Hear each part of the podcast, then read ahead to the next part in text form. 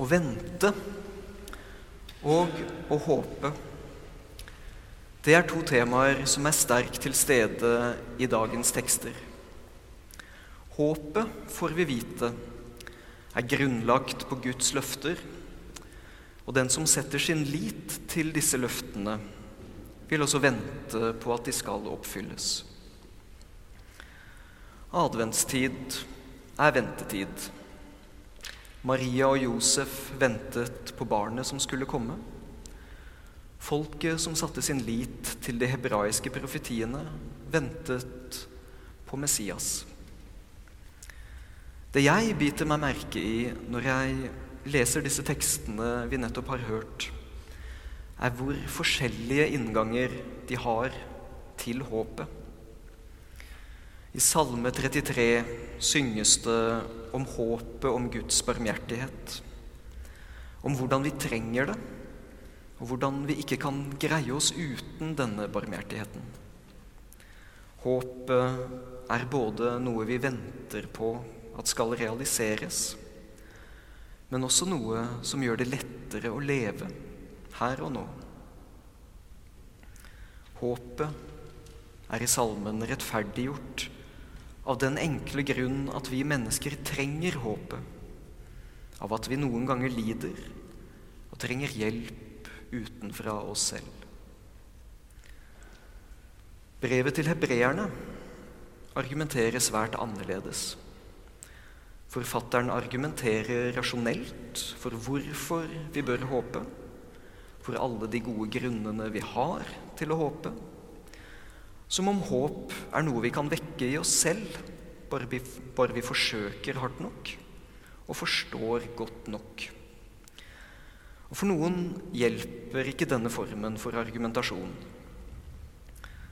Men jeg tror at det for andre igjen kan være nødvendig med en slik autoritativ tillatelse til å håpe at noen som vet mer enn en selv, som tenker bedre, sier at håpet du ikke tør å vedkjenne deg, det håpet du forsøker å undertrykke, at det håpet er et legitimt håp.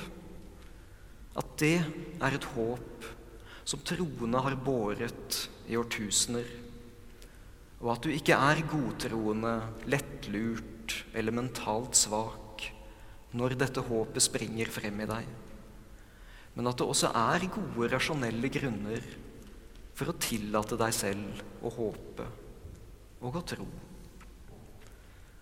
Og Så kommer vi til evangelieteksten.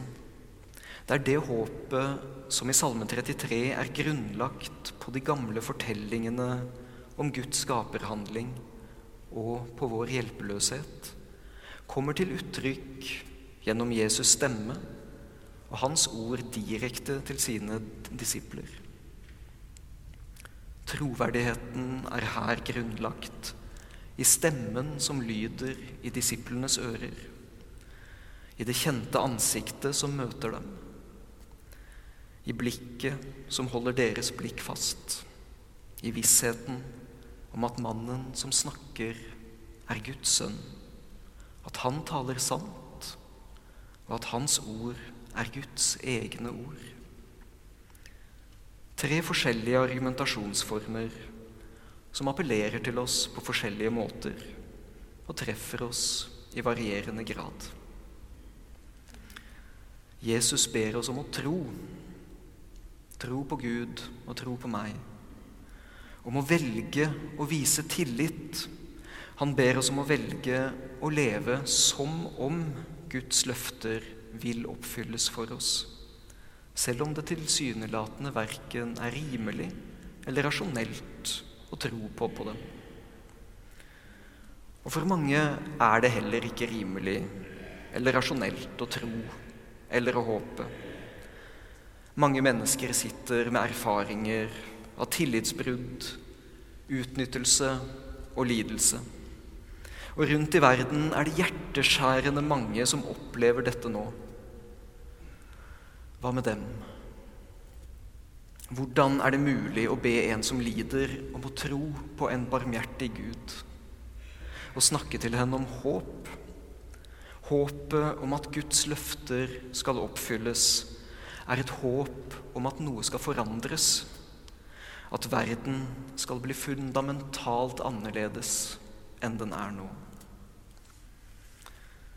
Hvordan forholder vi oss til det dersom, dersom erfaringen vår er at alt blir ved det gamle?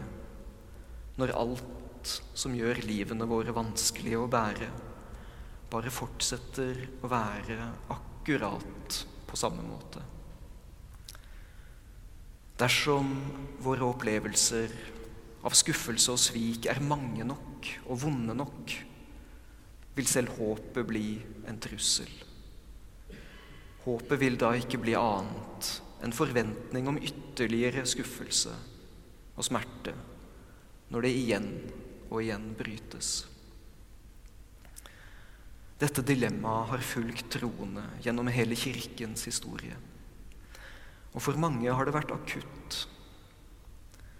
Kirkens svar har vært læren om det evige liv, om kroppens oppstandelse, om den endelige gjenopprettelsen av Guds skapelse, slik den fra begynnelsen var ment å være.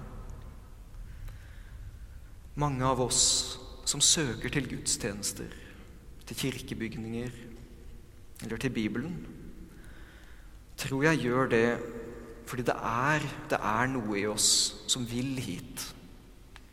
På tross av all erfaring med lidelse, svik og skuffelse er det noe i oss som håper, som tror, på tross av all rasjonalitet, på tross av frykt og angst. Det finnes noe evig i oss.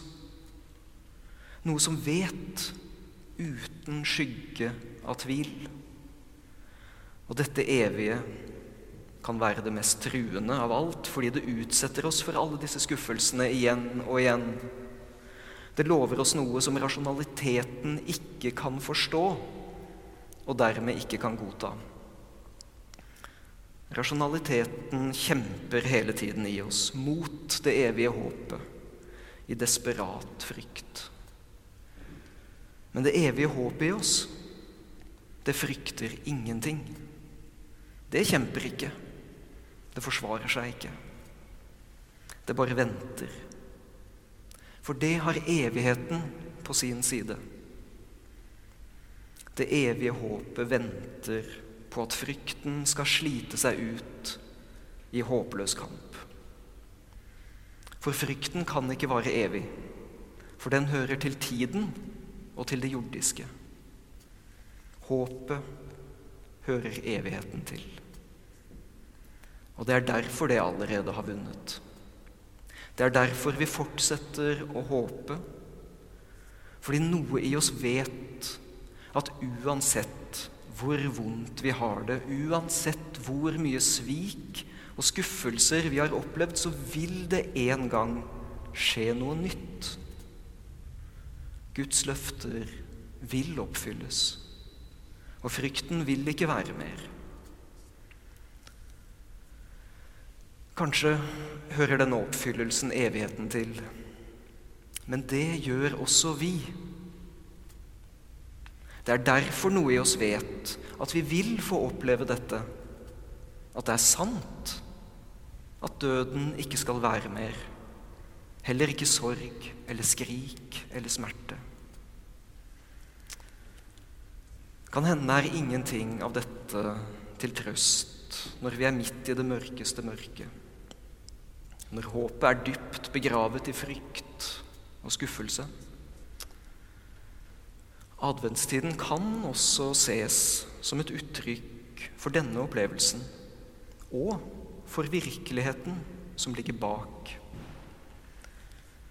Verden ligger i mørket, full av krefter som ødelegger og undertrykker. Samtidig skal lyset snart springe frem i verden, et lys av håp og frelse. Men vi ser det ikke ennå. Det har ikke gitt seg helt til kjenne. Det ligger skjult, men det er der. Ingenting skulle tilsi at Gud for 2000 år siden skulle la seg føde som et forsvarsløst lite barn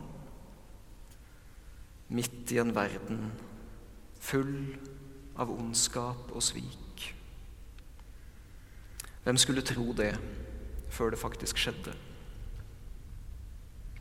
Men så var han der, midt iblant oss. Og slik vil han komme igjen.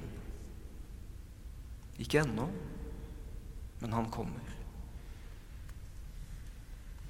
Ære være Faderen og Sønnen og Den hellige ånd, som var, er og være skal, en sann Gud, fra evighet til evighet. Amen.